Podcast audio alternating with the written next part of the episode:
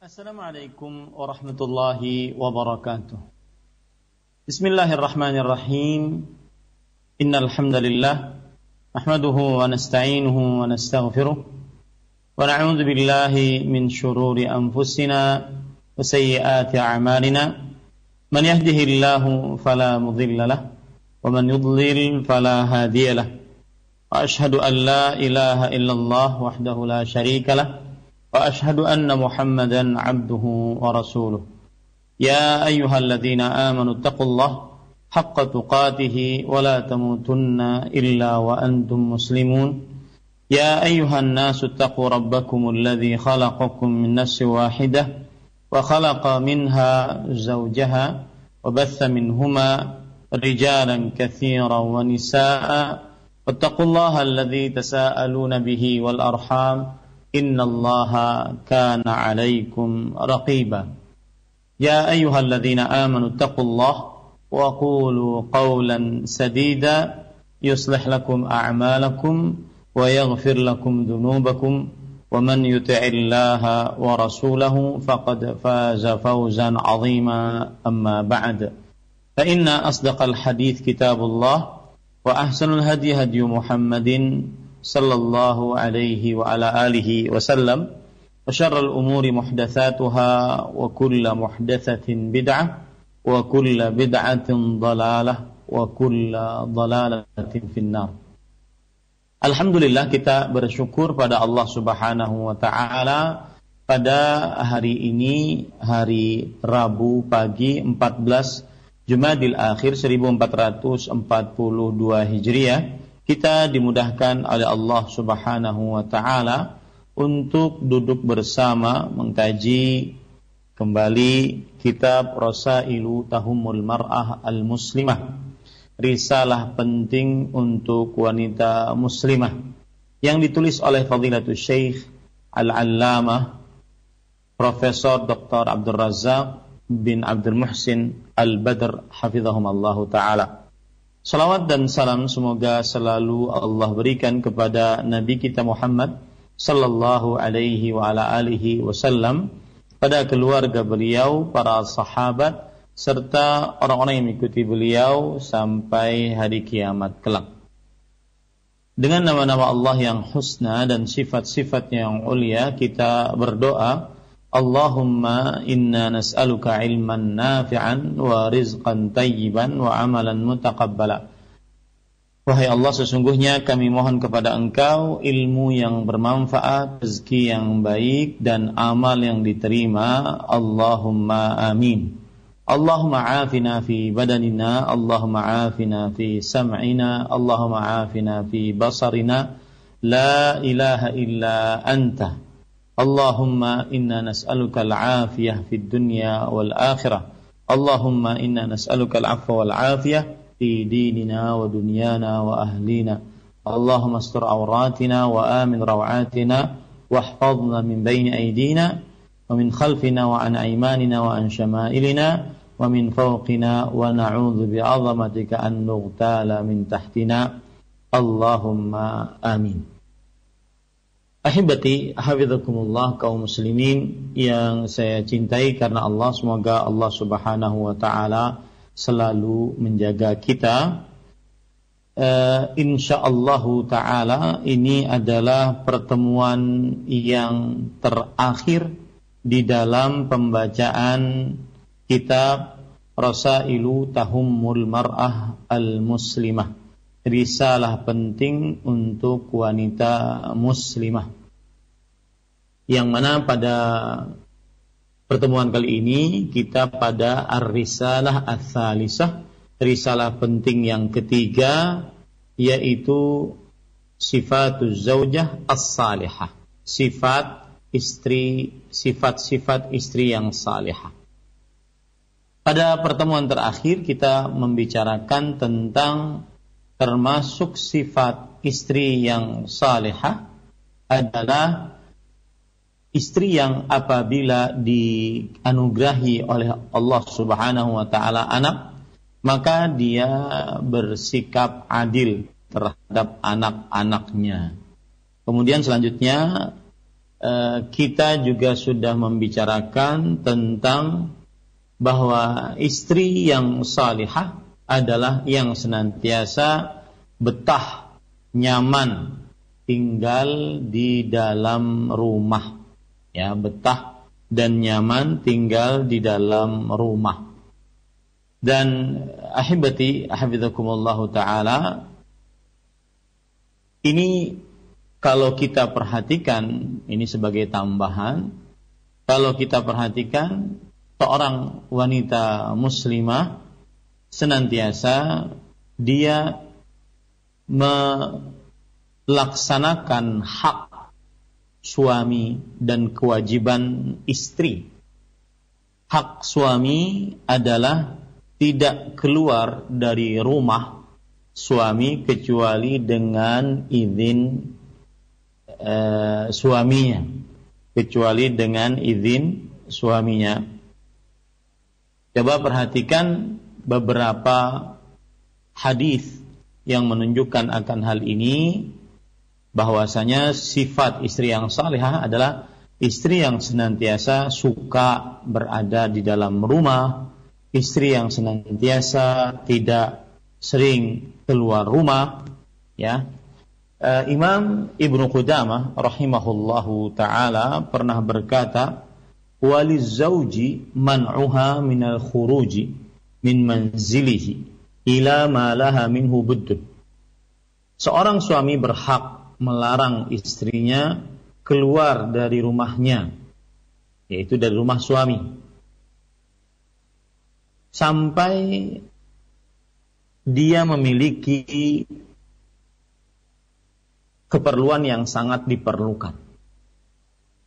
Ya, di seorang suami berhak untuk melarang istrinya untuk keluar rumah.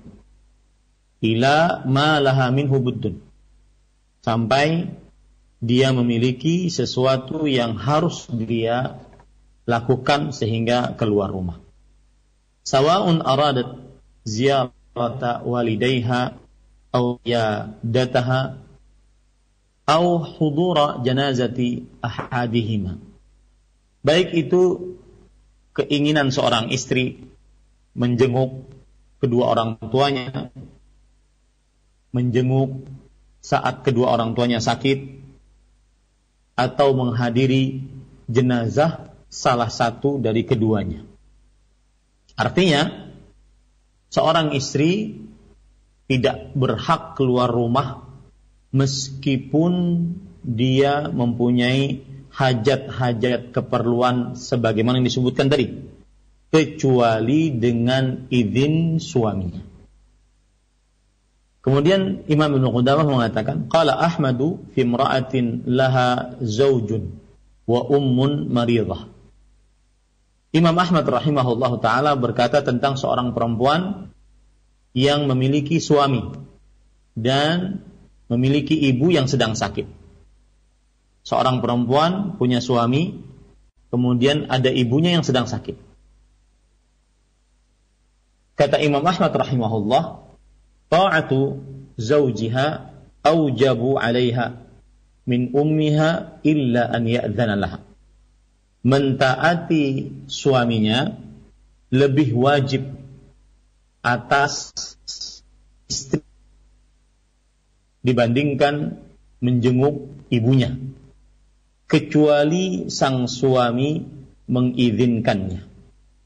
Ini perkataan Imam Ahmad rahimahullahu taala. Kemudian beliau mengatakan waqad rawa Ibnu Battah fi ahkamin nisa an Anasin radhiyallahu an anna rajulan safara wa mana'a zawjatahu min al-khuruj famarida abuha fasta'dhanat Rasulullah sallallahu alaihi wasallam fi iyadati abiha فقال لها رسول الله صلى الله عليه وسلم اتق الله ولا تخالفي زوجك فمات أبوها فاستأذنت رسول الله صلى الله عليه وسلم في حضور زوجته فقال لها اتق الله ولا تخالفي زوجك فأوحى الله إلى النبي صلى الله عليه وسلم إني قد غفرت لها بطاعة زوجها diriwayatkan oleh Imam Ibnu Battah di dalam kitab Ahkamun Nisa bahwa Anas bin Malik radhiyallahu anhu berkata ada seorang lelaki melakukan safar bepergian dan dia telah melarang istrinya untuk keluar dari rumah. Lalu sakit bapak istri. Lalu sang istri meminta izin kepada Rasul Shallallahu Alaihi Wasallam untuk menjenguk bapaknya yang sedang sakit. Rasulullah Shallallahu Alaihi Wasallam bersabda kepada istri tersebut, janganlah eh, takutlah engkau kepada Allah dan jangan menyelisihi suamimu. Maka kemudian sang bapak meninggal, bapaknya istri tersebut meninggal. Lalu sang istri minta izin kembali kepada Rasulullah sallallahu alaihi wasallam untuk menghadiri jenazah bapaknya. Kemudian Rasulullah sallallahu alaihi wasallam bersabda, "Takutlah kepada Allah dan janganlah engkau selisihi suamimu." Lalu Allah Subhanahu wa taala memberikan wahyu kepada Nabi Muhammad sallallahu alaihi wa ala alihi wasallam. Sesungguhnya aku telah mengampuni perempuan tersebut dengan taatnya kepada suaminya. Hadis ini di dalamnya terdapat Ismah bin Al-Mutawakkil, seorang rawi dan dia lemah. Dan hadis ini para ikhwan yang dirahmati oleh Allah Subhanahu wa taala disebutkan oleh Imam Ibnu Imam Al-Albani rahimahullahu taala bahwasanya dia adalah lemah.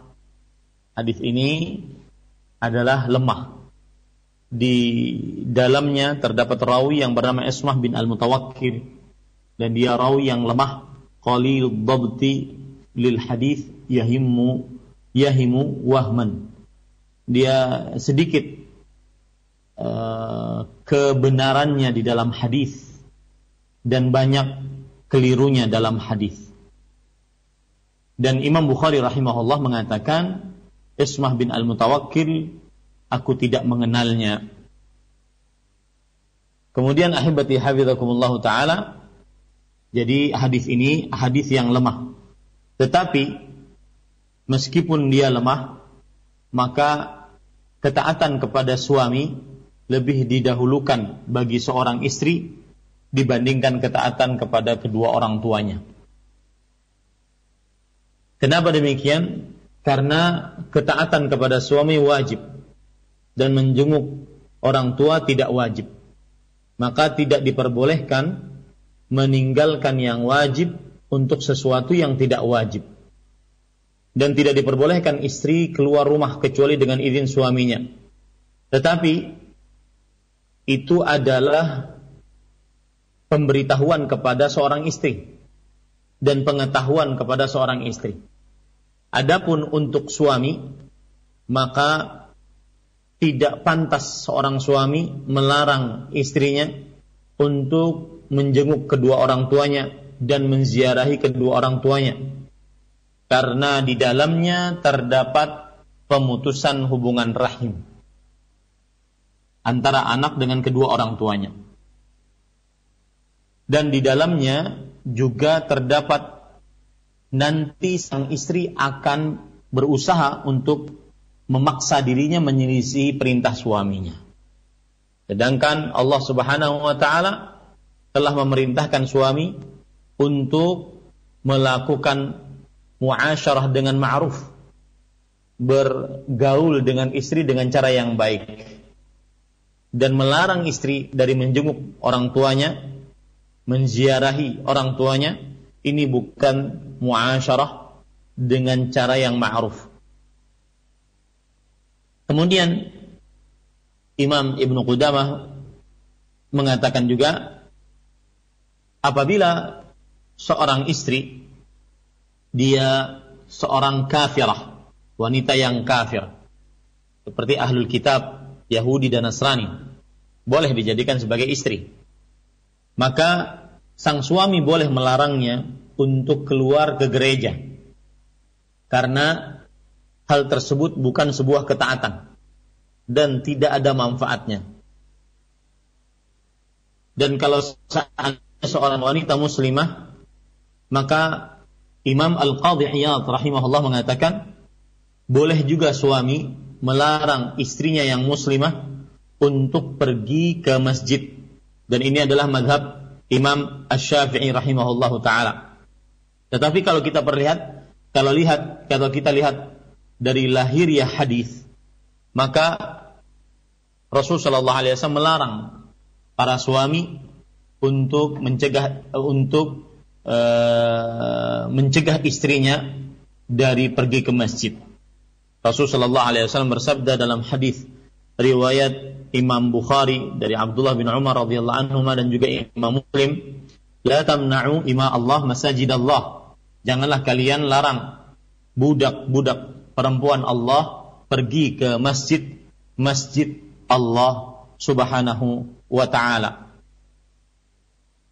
Begitu juga Abdullah bin Umar radhiyallahu anhu pernah berkata, "Kanat imra'atu li Umar tashhadu salat as-subh wal 'isha fil jama'ah fil masjid." Faqila laha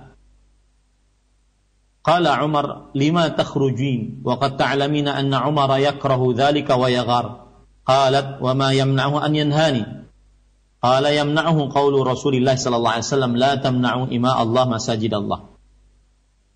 Abdullah bin Umar radhiyallahu anhu bercerita, istri Umar bin Khattab radhiyallahu anhu, beliau ikut sholat berjamaah sholat subuh dan isya. Sholat subuh dan isya di zaman dahulu tidak seperti sekarang, terang benderang. Sholat subuh dan isya gelap, ya, berjamaah di masjid maka kemudian Umar bin Khattab radhiyallahu anhu bertanya kepada istrinya, "Kenapa kalian keluar rumah? Padahal kalian telah mengetahui bahwa Umar membenci akan hal itu dan Umar cemburu istrinya keluar malam-malam." Kemudian sang istri berkata, "Apa yang melarang Umar untuk melarangku?" Apa yang melarang Umar untuk melarangku. Artinya engkau wahai suamiku Umar, kenapa aku tidak dilarang? Kata Umar bin Khattab radhiyallahu anhu, yang melarangku adalah sabda Rasulullah sallallahu alaihi wasallam yang berbunyi la tamna'u ima Allah masajid Allah. Janganlah kalian larang istri-istri kalian hamba-hamba Allah yang perempuan pergi ke masjid-masjid Allah Subhanahu wa taala. Jadi pendapat yang lebih kuat seorang suami tidak melarang istrinya pergi ke masjid asalkan istrinya menjaga adab-adab keislaman. Kemudian ahibati hafizakumullah taala dan istri yang dimaksud di dalam hadis tadi istrinya Umar bin Khattab radhiyallahu anhu yaitu Atikah binti Zaid. Atikah binti Zaid. Kemudian diriwayatkan bahwa Az-Zubair bin Awam rahimahullah radhiyallahu anhu menikahi Atikah binti Zaid bin Amr bin Nufail. Dan beliau Atikah radhiyallahu anha sering pergi ke masjid. Dan Az-Zubair bin Awam radhiyallahu anhu adalah orang yang suami yang pencemburu. Lalu Zubair mengatakan kepada Atikah, "Lau sallaiti fi baitiki Alangkah bagusnya jika engkau sholat di rumahmu. Fataqul maka Atikah radhiyallahu anha mengatakan la azalu akhruj au tamna'uni. Aku akan seru terus keluar pergi ke masjid untuk sholat berjamaah. Atau engkau engkau melarangku. Atau engkau melarangku.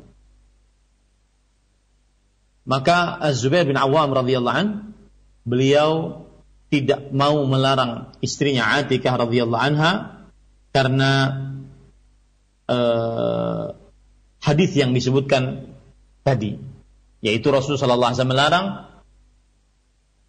uh, para suami melarang su istrinya untuk pergi ke masjid. Kemudian ahibati hafizakumullah taala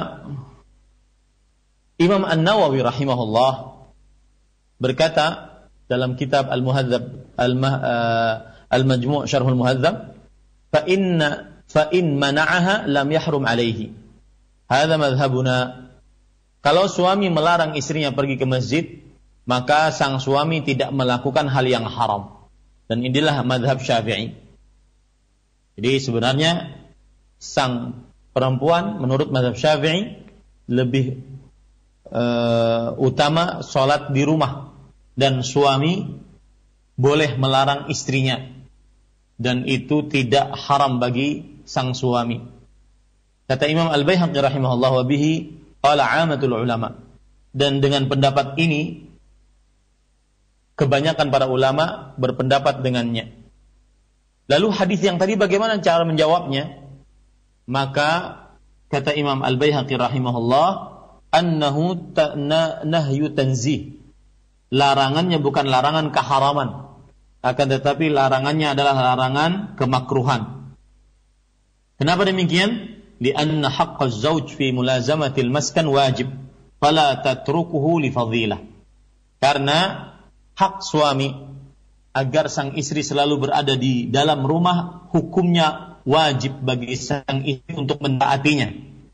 Maka sang istri tidak boleh meninggalkan kewajiban tersebut karena hanya ingin menggapai sebuah keutamaan, sebuah fadilah bukan yang wajib yaitu sholat di masjid.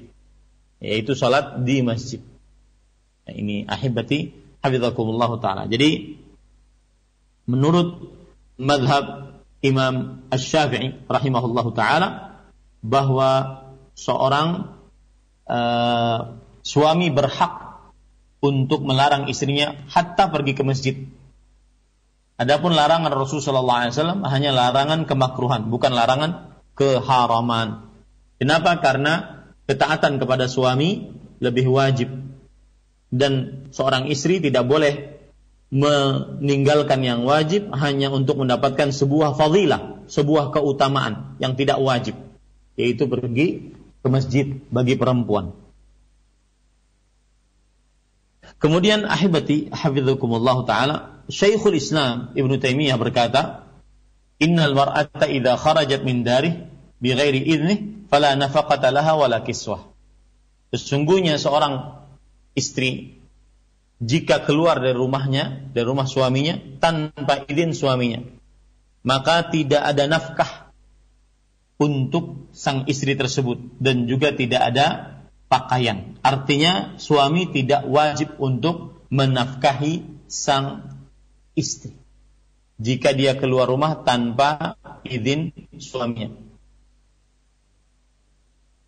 Uh, di dalam kitab Al-Muhadzab yang ditulis oleh Imam Asy-Syirazi juga mengatakan wala yajuzun lin-nisa ziyaratul qubur lima rawa atau ruya an Abi Hurairah radhiyallahu an anna Rasulullah sallallahu alaihi wasallam la'ana zuwaratil qubur. Yang artinya dan tidak diperbolehkan bagi perempuan untuk menziarahi kubur. Disebabkan apa yang diriwayatkan dari Abu Hurairah radhiyallahu anhu bahwa Rasulullah sallallahu alaihi wasallam laknat para wanita-wanita yang suka berziarah kubur. Maka pada ikhwan yang dirahmati oleh Allah Subhanahu wa taala, hal ini disebabkan karena li'anna khurujahunna lil maqabir madhinnatan wa sabab wa dhinnatun wa sababun li umurin muharramah minal jaza' wa ghai wa nahwihi. Karena uh, keluarnya para istri perempuan ke kuburan-kuburan ini adalah diduga dan bisa menyebabkan diduga dan bisa menyebabkan perkara-perkara yang diharamkan yaitu berupa e, terlalu meratapi. Terlalu meratapi. E, yang jelas para ikhwan dirahmati oleh Allah Subhanahu wa taala tidak halal seorang istri keluar dari rumah suaminya kecuali dengan izin suaminya. Dan tidak halal. Seorang pun untuk mengambil istri kepadanya. Dan menahan istri dari suaminya. Baik itu uh, sang istri sedang dalam keadaan menyusui atau sang istri dalam keadaan me, uh, menerima ajakan tersebut atau perkara-perkara lainnya. Wa idza kharajat min baiti zawja bighairi idzni kana nashijatan 'asiyatan lillahi wa rasulih wa mustahaqqatan mustahiqqatan lil 'uqubah. Dan jika keluar dari rumah suaminya tanpa izin suaminya, maka berarti istri tersebut dia telah melakukan perbuatan nusyuz, yaitu bermaksiat kepada suami dan bermaksiat kepada Allah dan Rasulnya dan berhak mendapatkan siksa dari Allah Subhanahu wa taala. Ini disebutkan di dalam kitab Majmu'ul Fatawa. Ini menunjukkan bahwasanya seorang istri tidak diperbolehkan bermudah-mudah untuk menjadi kharrajatan wallajatan, suka keluar rumah, kemudian juga suka jalan-jalan dan seterusnya. Nah, kemudian ahibati hafizakumullah taala Eh, sifat yang terakhir yang dibawakan oleh penulis di sini dan ini adalah sifat uh, pembahasan yang terakhir di dalam kitab ini. Nanti kita akan bicarakan dengan Roja TV atau Radio Roja yang kitab selanjutnya yang akan kita bahas insyaallah taala. Wa min sifati zawjati salihah adamu ifsha'i sirri zawj wal umuril khasati bainal zawjain hatta law waqa'a bainahuma furqah wa lam wi'amun fa kullun minhuma alaihi an yattaqi Allah jalla wa ala fi hadzal amr. Yang artinya dan termasuk sifat istri yang salihah adalah tidak menyebarkan rahasia rahasia suami dan perkara-perkara khusus di antara suami istri. Meskipun jikalau terjadi di antara keduanya perpisahan dan belum terrealisasi e, kesatuan maka setiap dari mereka berdua hendaknya bertakwa kepada Allah Subhanahu wa taala dalam perkara ini. Artinya takut kepada Allah Subhanahu wa taala untuk menyebarkan rahasia yang ada di antara keduanya Dan rahasia yang dimaksud di sini adalah aib-aib salah satu dari keduanya. Istri tidak boleh membeberkan aib suaminya, suami tidak boleh membeberkan aib istrinya. Walaupun sudah terjadi perceraian, maka mantan suami tidak boleh membeberkan aib mantan istrinya dan mantan istri tidak boleh membeberkan aib mantan suaminya.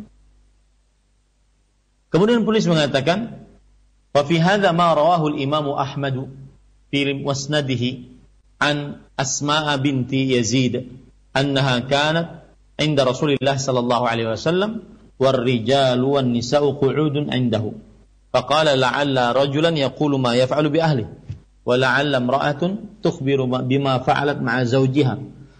فأرم القوم. فقلت إي والله يا رسول الله إنهن ليقلن وإنهم ليفعلون. قال لا تفعل فإنما ذلك مثل الشيطان. لقي شيطانة في طريق فغشيها والناس ينظرون.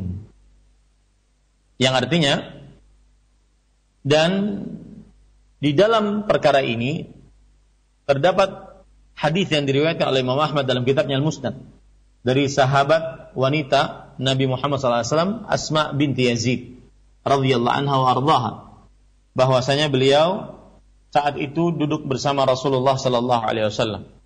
Para lelaki, para perempuan duduk di sisi-sisi beliau. Maksudnya adalah uh, lelaki dalam satu kelompok, kemudian perempuan dalam satu kelompok.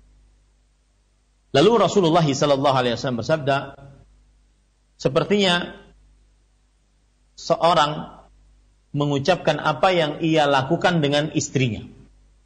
Maksudnya menceritakan hubungan di atas ranjang.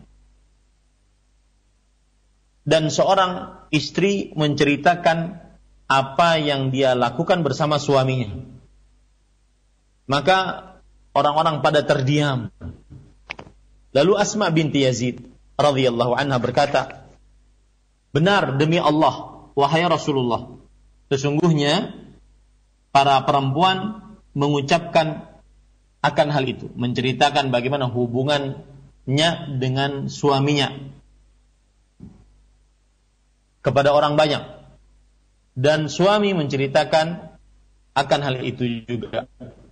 Menceritakan bagaimana hubungannya dengan istrinya di atas ranjang di hadapan orang banyak lalu Rasulullah sallallahu alaihi wasallam bersabda jangan kalian lakukan maksudnya jangan kalian melakukan hal seperti itu menceritakan hubungan di atas ranjang terhadap orang lain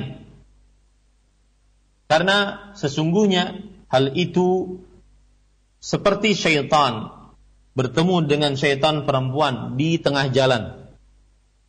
Lalu faghasyiha. Lalu sang setan laki-laki bertemu dengan setan perempuan dan menggaulinya di tengah jalan dan orang-orang pada melihatnya.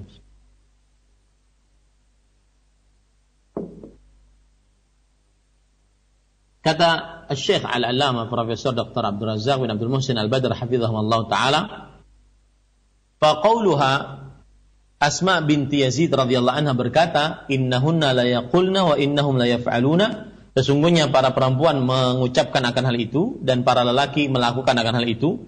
Bada'at bin nisa fi dzikri hadzal amr li'annahu yakthuru fin nisa wa yaqillu jiddan fir rijal.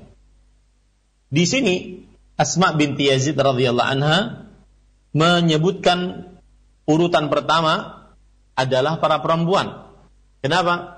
Karena yang sering terjadi di para perempuan eh, di, eh, yang sering terjadi adalah para perempuan yang sering menceritakan tentang suaminya terhadap orang lain.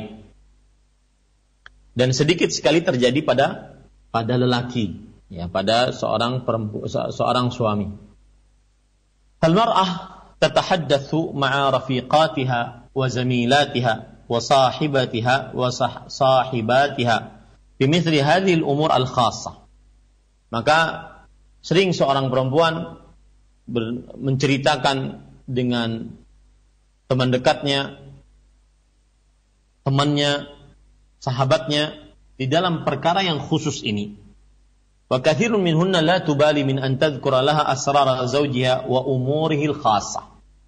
Dan sebagian dari para perempuan tidak memperhatikan menyebutkan rahasia-rahasia suaminya dan perkara-perkara yang khusus yang dimiliki oleh suami.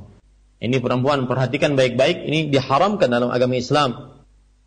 Seorang perempuan menceritakan tentang ke rahasia-rahasia di atas ranjang yang dimiliki oleh suaminya apalagi menceritakan secara detil. Ya, ini tidak diperbolehkan. Wa qauluhu sallallahu alaihi wasallam dan sabda Rasul sallallahu alaihi wasallam yang di, di dalam hadis tadi, sesungguhnya hal itu seperti syaitan laki-laki bertemu dengan syaitan perempuan di tengah jalan. Lalu manusia eh, lalu ia menggauli syaitan perempuan tersebut dan orang-orang pada melihatnya. Yakni المرأة التي بهذه الصفة والرجل الذي بهذه الصفة يفشي الأسرار الزوجية مثلهما مثل شيطان laqiya syaitanatan fi tariqin wa khasyaha wan nas yanzuru. Uh, maksudnya adalah seorang perempuan dengan sifat seperti ini dan seorang uh, laki-laki dengan sifat seperti itu adalah yang men menyebarkan rahasia-rahasia uh, suami istri. Ini perumpamaan mereka berdua seperti syaitan yang bertemu dengan syaitan laki-laki di tengah jalan. Dan akhirnya syaitan laki-laki tersebut menggauli syaitan perempuan dan orang-orang melihatnya.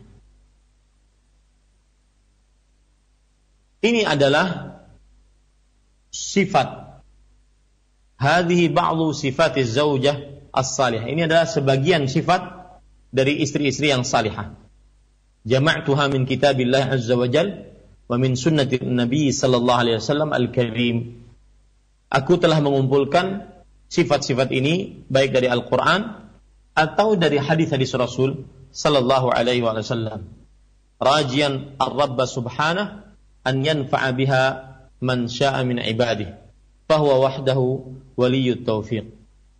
seraya berharap kepada Allah Subhanahu wa taala untuk uh, tulisan ini bermanfaat bagi siapa saja dari hamba-hamba Allah.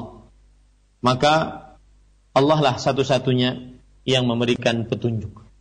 Kemudian Syekh Al-Allamah Profesor Dr. Abdul Razak bin Abdul Muhsin Al-Badr hafizahullah taala beliau berdoa wa as'alullah jalla wa ala bi asma'ihil husna wa sifatihil ula an yahdiyana jami'an sawa'as sabil. Aku memohon kepada Allah jalla wa ala dengan nama-nama Allah yang husna sifat-sifat yang ulia agar Allah memberikan petunjuk seluruhnya memberikan petunjuk kepada kita seluruhnya jalan yang lurus. Wa an yaj'ala ma nata'allamuhu hujjatan lana la alaina. Dan menjadikan apa yang kita pelajari menjadi amal pemberat timbangan kita bukan malah mencelakakan kita wa amalina wa qatina wa azwajina wa dhurriyyatina wa amwalina dan semoga Allah Subhanahu wa taala memberkahi bagi kita di dalam ucapan kita amalan kita, waktu kita, istri kita, anak keturunan kita dan harta kita. Wa an yubarika lana fi hayatina kulliha. Dan semoga Allah Subhanahu wa taala memberikan uh, berkah di dalam seluruh di dalam seluruhnya, dalam seluruh kehidupan kita. Wa an yuslih lana dinana alladhi huwa ismatu amrina. Dan semoga Allah memperbaiki untuk kita agama kita yang merupakan benteng diri kita. Wa an yuslih lana dunyana allati fiha ma'ashuna dan memperbaiki untuk kita kehidupan dunia kita yang di dalamnya kita hidup. Wa an yuslih lana akhiratan allati fiha ma'aduna dan semoga Allah Subhanahu wa taala memperbaiki akhirat kita yang di dalamnya tempat kembali kita. Wa an yada'al hayata ziyadatan lana fi kulli khair dan semoga Allah Subhanahu wa taala menjadikan kehidupan untuk kita sebagai tambahan bagi kita dalam setiap kebaikan. Wal mauta rahatan lana min kulli syarr dan menjadikan kematian sebagai peristirahatan bagi kita dari setiap keburukan.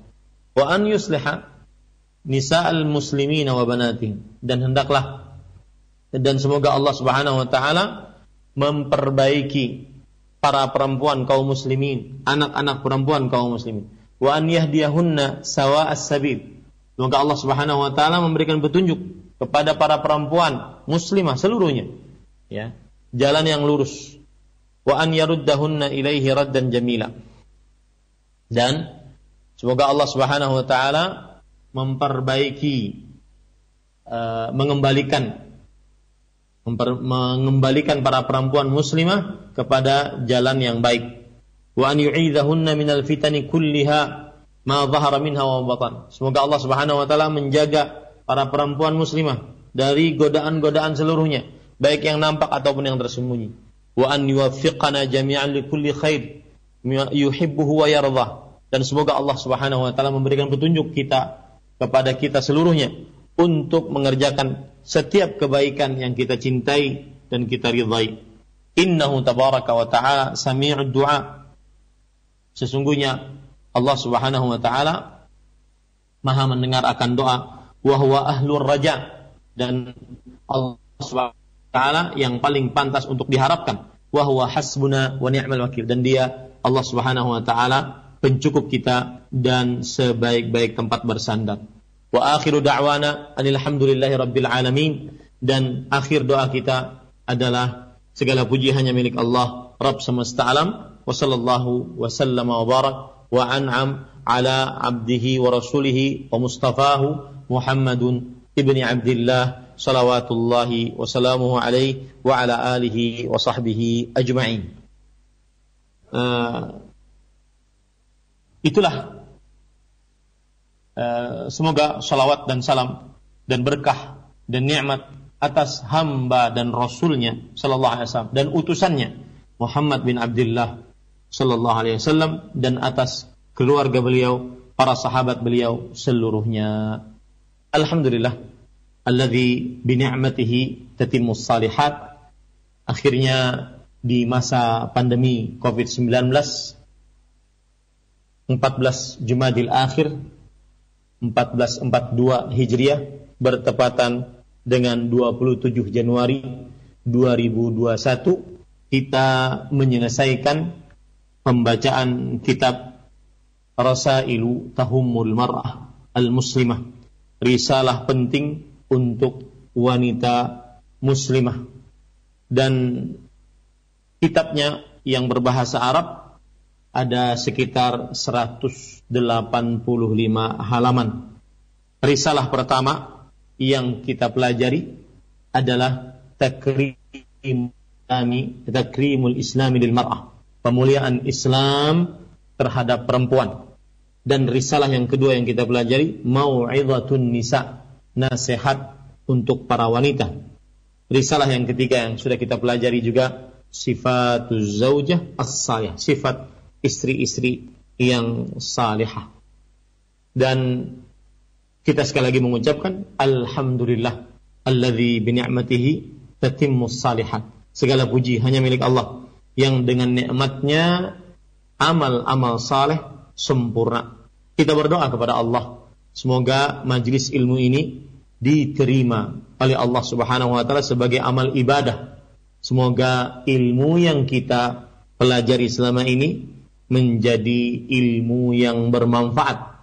Semoga ilmu tersebut benar-benar bisa diamalkan sehingga menjadi bekal berhadapan dengan Allah Subhanahu wa taala sebagai pemberat timbangan bukan malah sebagai pembawa kecelakaan dan siksa dari Allah Subhanahu wa taala.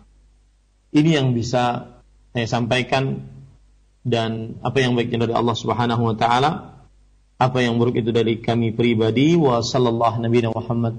Walhamdulillahi rabbil alamin. Saya kembalikan kepada pembawa acara. Wallahu a'lam. Nah.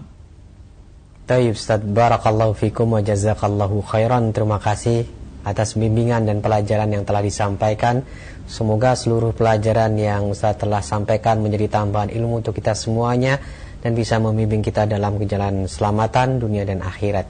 Ikhwatul Islam bagi Anda yang bertanya seputar pembahasan ini Kami berikan waktu untuk bertanya langsung. Silahkan di 0218236543 Atau melalui pesan singkat di 0819896543 Pertanyaan pertama kami akan bacakan dari pesan singkat Dari seorang ibu. Assalamualaikum Pak Ustadz. Mau bertanya Apabila seorang istri ditinggal suaminya bekerja yang begitu lama di luar kota, pertanyaannya apabila istri tersebut ingin keluar rumah, misalnya ke pasar, apakah harus izin setiap akan keluarnya? Syukron Ustaz. Alhamdulillah wassalatu wassalamu ala Rasulillah wa ala alihi wa sahbihi wa man wala. Jawabannya adalah di situ ada dua macam izin. Yang pertama, izin yang mutlak dan yang kedua izin yang muqayyad. Izin yang mutlak artinya adalah yang yang uh, bebas. Kemudian yang kedua izin yang terbatas. Izin yang bebas apabila seorang suami mengatakan kepada istrinya, "Kamu boleh pergi ke luar rumah jika ada keperluan yang mendesak." Maka pada saat itu jika di dikatakan oleh suami seperti itu, maka sang istri boleh untuk pergi tanpa izin suaminya. Tetapi jika sang suami membatasi, kamu boleh pergi keluar rumah hanya untuk ke pasar, maka ini berarti ada pembatasan. Maka pada saat itu, jika terjadi pembatasan, maka dia harus sesuai dengan pembatasannya. Jadi tergantung bagaimana izin suami kepada istrinya. Wallahu alam. Nah. Barakallahu fikum. Terima kasih Ustaz atas nasihat dan jawabannya. Selanjutnya kami akan bacakan pertanyaan kembali dari pesan singkat dari Umu Arti yang bertanya. Assalamualaikum Ustadz, bagaimana menghadapi suami yang marah dalam kesehariannya menjalankan sholat wajib di rumah dan sering di akhir waktu, kadang malah kelewatan. Kalau dinasihatin uh, suka marah silahkan. Alhamdulillah wassalatu wassalamu ala Rasulillah wa ala alihi wa sahbihi wa wala. E, seorang istri yang mendapati suami dengan kelakuan seperti ini, hendaklah dia menjadi istri yang e, teman bagi suami dalam kebaikan. Jangan dimusuhi suaminya. Suami pada saat itu dia memerlukan teman untuk dia bisa berusaha bangkit dari e, penyakit malas untuk taat kepada Allah Subhanahu wa taala terutama perihal sholat lima waktu kemudian pergi ke masjid dalam mengerjakan sholat lima waktu tersebut. Jadi saya berharap sang istri benar-benar menjadi partner dalam kebaikan. Allah Subhanahu wa taala berfirman wa ta'awanu 'alal birri wat taqwa wa la ta'awanu 'alal itsmi wal 'udwan. Dan saling tolong menolong dalam kebaikan dan ketakwaan dan janganlah saling saling tolong menolong dalam dosa dan permusuhan. Kemudian juga Rasul sallallahu alaihi wasallam bersabda, "Rahimallahu ra'an qama minal laili fa shalla uh, thumma ayqadha zawjaha zawjatahu fa sallat fa in abad nadhaha fi wajhil ma" Semoga Allah Subhanahu wa taala merahmati seorang suami yang bangun dari eh, di malam hari lalu dia sholat lalu dia membangunkan istrinya lalu istrinya sholat jika sang istri enggan, maka dipercikkan air di wajah sang istri. Wa rahimallahu imra'atan qamat min al-laili fa sallat. Thumma ayqadat zawjaha uh, fa salla wa in aba nadhahat fi wajhil ma. Semoga Allah Subhanahu wa taala merahmati seorang istri yang bangun malam lalu dia salat Lalu dia membangunkan suaminya. Lalu suaminya salat. Jika suaminya enggan, maka dipercikan air di wajahnya. Lihat di sini saling tolong menolong di dalam kebaikan. Jangan sampai sang istri kemudian dia e, menjadi musuh bagi suaminya, sering memarahi suaminya, sering tidak puas dengan suaminya. Tidak, akan tetapi dia menjadi partner e, teman bagi suami dalam melakukan kebaikan. Saling tolong menolong di dalam kebaikan. Semoga berhasil. Wallahu a'lam. Jazakallahu khairan. Terima kasih para ustadz yang telah menjawab pertanyaan ini. Berikutnya, Assalamualaikum Ustadz. Saya dan suami beserta tiga anak kami masih tinggal menumpang di rumah ibu saya. Sudah berlangsung selama lebih dari 11 tahun. Berapa bulan mendatang saya dan suami memutuskan untuk pindah ke rumah sendiri. Namun ibu saya melarangnya. Beliau sedih, beliau menangis. Bagaimana hal ini bisa tetap saya kerjakan Ustadz untuk dengan suami bisa mandiri uh, hidup bersama di rumah sendiri. Solusi terbaik apa yang bisa Ustadz sampaikan? Silakan. Bismillah, Alhamdulillah, wassalatu wassalamu ala rasulillah wa ala alihi wa sahbihi wa man wala. Jika rumah tersebut adalah rumah orang tua istri, kemudian sang suami ingin keluar dari rumah tersebut, maka sang istri secara hukum fikih Islam wajib mengikuti sang suami. Jika sang suami ingin keluar dari rumah tersebut dan berumah sendiri, maka sang istri wajib mengikuti sang suami dan uh, hukumnya wajib. Jika tidak mengikuti, maka dia berdosa. Sang istri berdosa. Ya. Adapun urusannya dengan ibu sang istri yang menangis, maka jawabannya adalah diterangkan baik-baik bahwasanya saya sebagai istri wajib mengikuti suami. Karena sekarang saya sudah berkeluarga, mempunyai suami. Dan di dalam syariat Islam diwajibkan untuk mengikuti suami. Allah Subhanahu wa taala berfirman wasara bi ahlihi.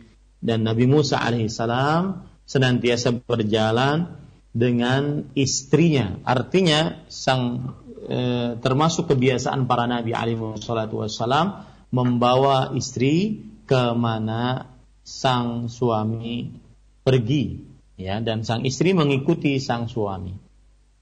Dan memang dilema untuk tinggal bersama mertua ya itu tidak mudah.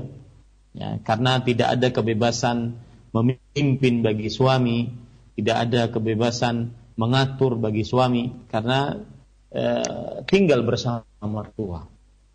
Kemudian juga di sana terdapat kesulitan sang suami untuk mendidik eh, istrinya karena masih dekat dengan orang tuanya. Maka pada saat itu dikenalkan baik-baik, diterangkan dengan santun kepada ibunya. Ya, tetapi jangan sampai kemudian membuat sang ibu sakit, sang ibu uh, apa namanya uh, jatuh sakit dan semisalnya. Tetapi dia berlaku dengan baik dengan santun menjelaskan bahwasanya ini hukum syar'inya seperti ini. Itu nasihat saya. Wallahu a'lam. Nah.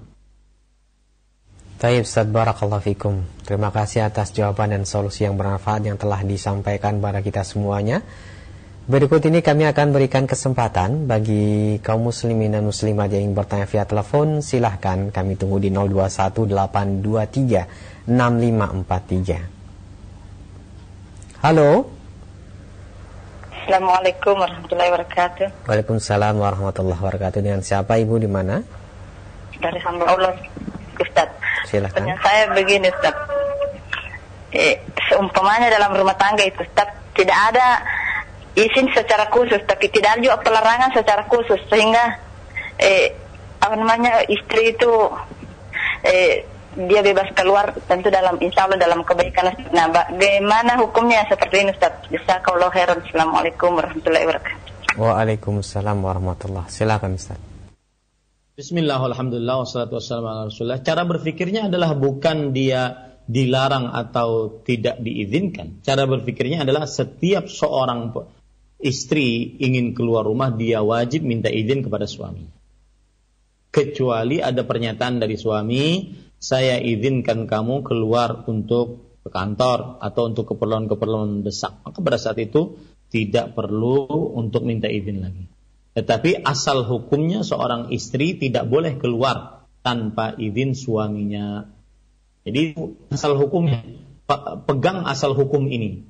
Ya, bukan masalah suami mengizinkan, suami tidak ada pernyataan mengizinkan atau tidak, tidak. Tetapi asal hukumnya sang istri tidak boleh keluar rumah tanpa izin suaminya. Wallahu alam. Nah.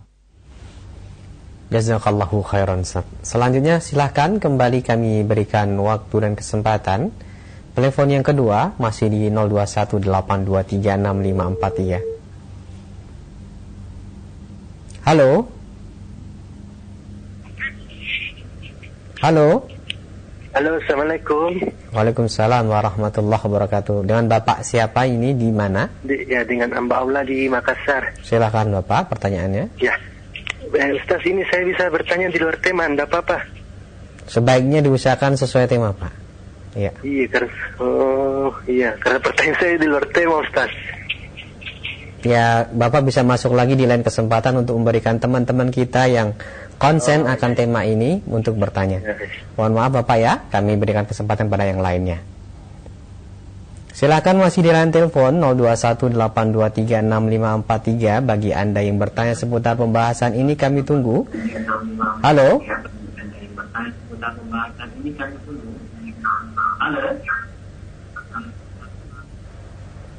Halo, Assalamualaikum. Waalaikumsalam warahmatullahi wabarakatuh. Dengan Ibu siapa ini di mana? Uh, Umu Umu Fatia di Sulawesi Barat. Silahkan Ibu pertanyaannya. Assalamualaikum Ustaz. Waalaikumsalam. Uh, uh, pertanyaan saya nih Ustaz, gimana hukumnya seorang uh, ibu, maksudnya seorang istri yang pergi bekerja, maksudnya statusnya sebagai PNS.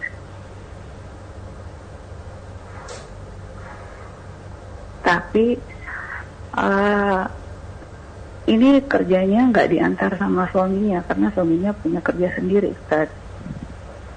Ya, pertanyaannya Ibu uh, bagaimana hukumnya uh, seorang istri yang pergi kerja tapi tidak diantar sama mahramnya, sedangkan tempat kerjanya jauh dari rumahnya. Ya, baik Ibu. Terima kasih atas pertanyaannya. Silakan. Waalaikumsalam. Silakan Ustaz. Waalaikumsalam. Wassalamualaikum wa ala alihi wa sahbihi wa man wala. Jawabannya adalah asal hukumnya seorang istri tetap minta izin kepada suaminya untuk keluar rumah bekerja. Ya, tetapi minta izin di sini boleh dia minta izin sekali, kemudian sang suami mengizinkan untuk batas waktu yang uh, sudah diumumkan oleh suami secara umum ataupun sesuai dengan uh, batasan yang sudah diizinkan oleh suami. Yang jelas dia tetap wajib untuk minta izin kepada suami sebelum dia keluar rumah. Kemudian yang kedua, uh, kalau sudah diizinkan maka sang istri boleh keluar rumah tanpa mahram apabila masih dalam keadaan di dalam kota dan tidak safar. Dalam kota dan tidak safar. Boleh dia tanpa mahramnya. Kecuali kalau seandainya di safar, eh, kecuali kalau seandainya dia keluar rumah untuk bekerja di dalam kota, tetapi dikhawatirkan uh, di dalam kota tersebut jauh, kemudian banyak bahaya, maka pada saat itu dia lebih baik dengan mahramnya. Ya, kalau jauh dan berbahaya lebih baik dengan mahramnya. Tetapi untuk kewajiban tidak. Yang wajib hanya ketika safar seorang perempuan bepergian keluar rumah atau dari rumah keluar rumah dalam keadaan safar itu wajib dengan mahram. Adapun tidak safar maka tidak wajib dengan mahram, tetapi jika jauh dan banyak bahaya di jalan maka lebih baik dia dengan mahramnya agar terjaga kesuciannya. Wallahu a'lam. Nah. Ustaz barakallahu fikum. Selanjutnya kami berikan kesempatan kembali silahkan masih di layanan telepon 0218236543. Silahkan. Halo. Halo, Assalamualaikum. Waalaikumsalam warahmatullah. Dengan ibu siapa ini? Di mana? Ya, hamba Allah di Kalimantan Timur. Silakan ibu pertanyaannya. Iya, pertanyaan saya begini. Seandainya saya ingin ber pas ada rezeki, ingin berbuat baik, berbagi sedekah sedekah sama sesama yang lebih memerlukan. Halo? Ya ibu langsung pertanyaan silakan. Ya, ya, tapi suami saya kan masih ibaratnya kurang apa maksudnya masih kurang anu belum jadi seandainya saya tidak izin itu gimana Pak Ustaz? Sedekah tapi tidak izin suami gitu Bu? Iya, tapi kan niat saya berbuat baik gitu. Ya, baik, baik. Katanya suami bilangnya masih pas-pasan gitu. Ya, baik Ibu. Terima kasih atas pertanyaannya. Ya, Silakan, Ustaz. Waalaikumsalam warahmatullahi Alhamdulillah. Wassalatu wassalamu ala Rasulillah wa ala alihi wa sahbihi wa man wala. Maka jawabannya adalah asal hukumnya seorang istri yang sudah balik maka dia berhak untuk menggunakan hartanya sendiri. Ya. Untuk hal-hal yang mubah. Seperti bersedekah.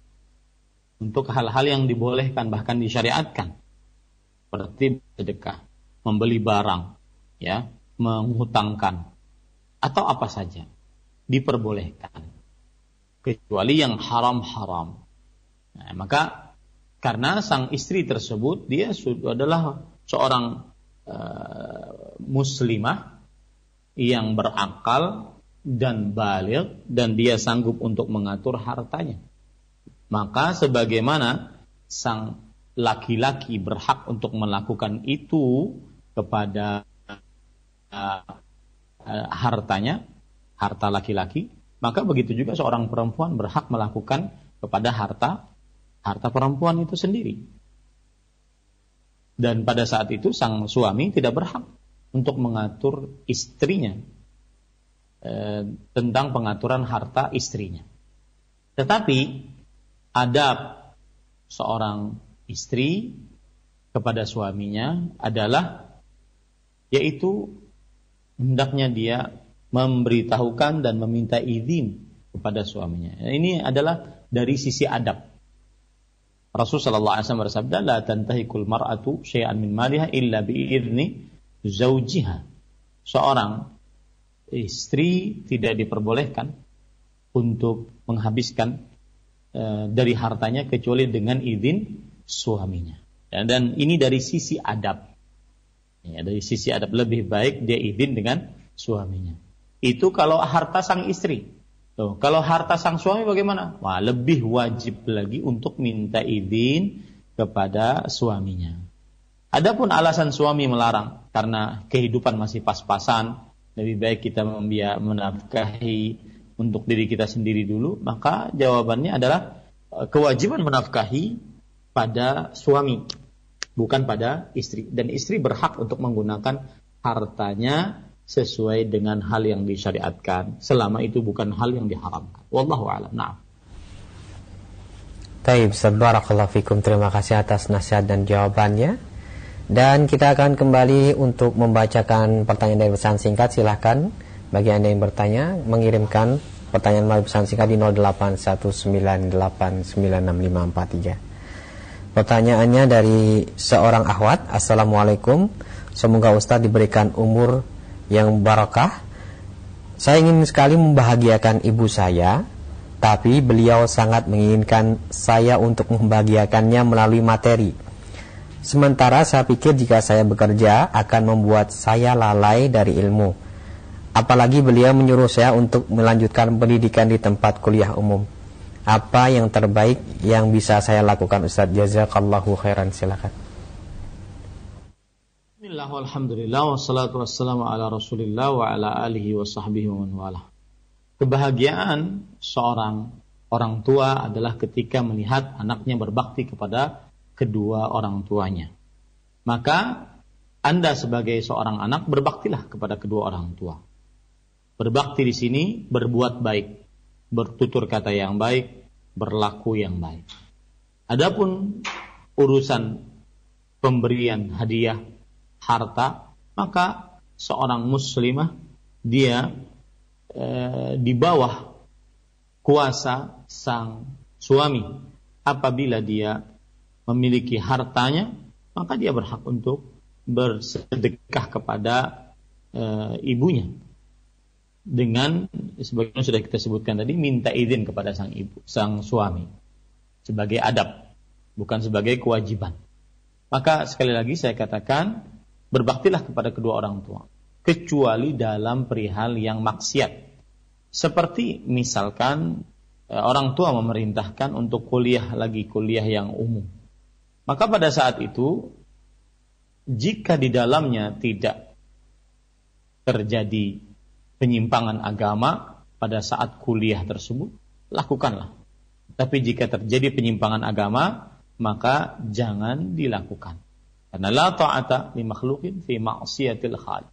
Tidak ada ketaatan uh, dalam apa kepada seorang makhluk di dalam perihal bermaksiat kepada Allah Subhanahu wa taala. Maka saya nasihatkan berbaktilah kepada kedua orang tua, terutama ibu, ya. Dan bermacam-macam bakti, macam-macam caranya, baik dengan bertutur kata yang baik, berkelakuan yang baik, pemberian yang bagus, dan baik sesuai dengan kemampuan seorang anak tersebut. Semoga kita semua menjadi anak-anak yang berbakti kepada kedua orang tua. Ini yang bisa saya sampaikan. Sallallahu Nabi Muhammad walhamdulillahi rabbil alamin. Wassalamualaikum warahmatullahi wabarakatuh.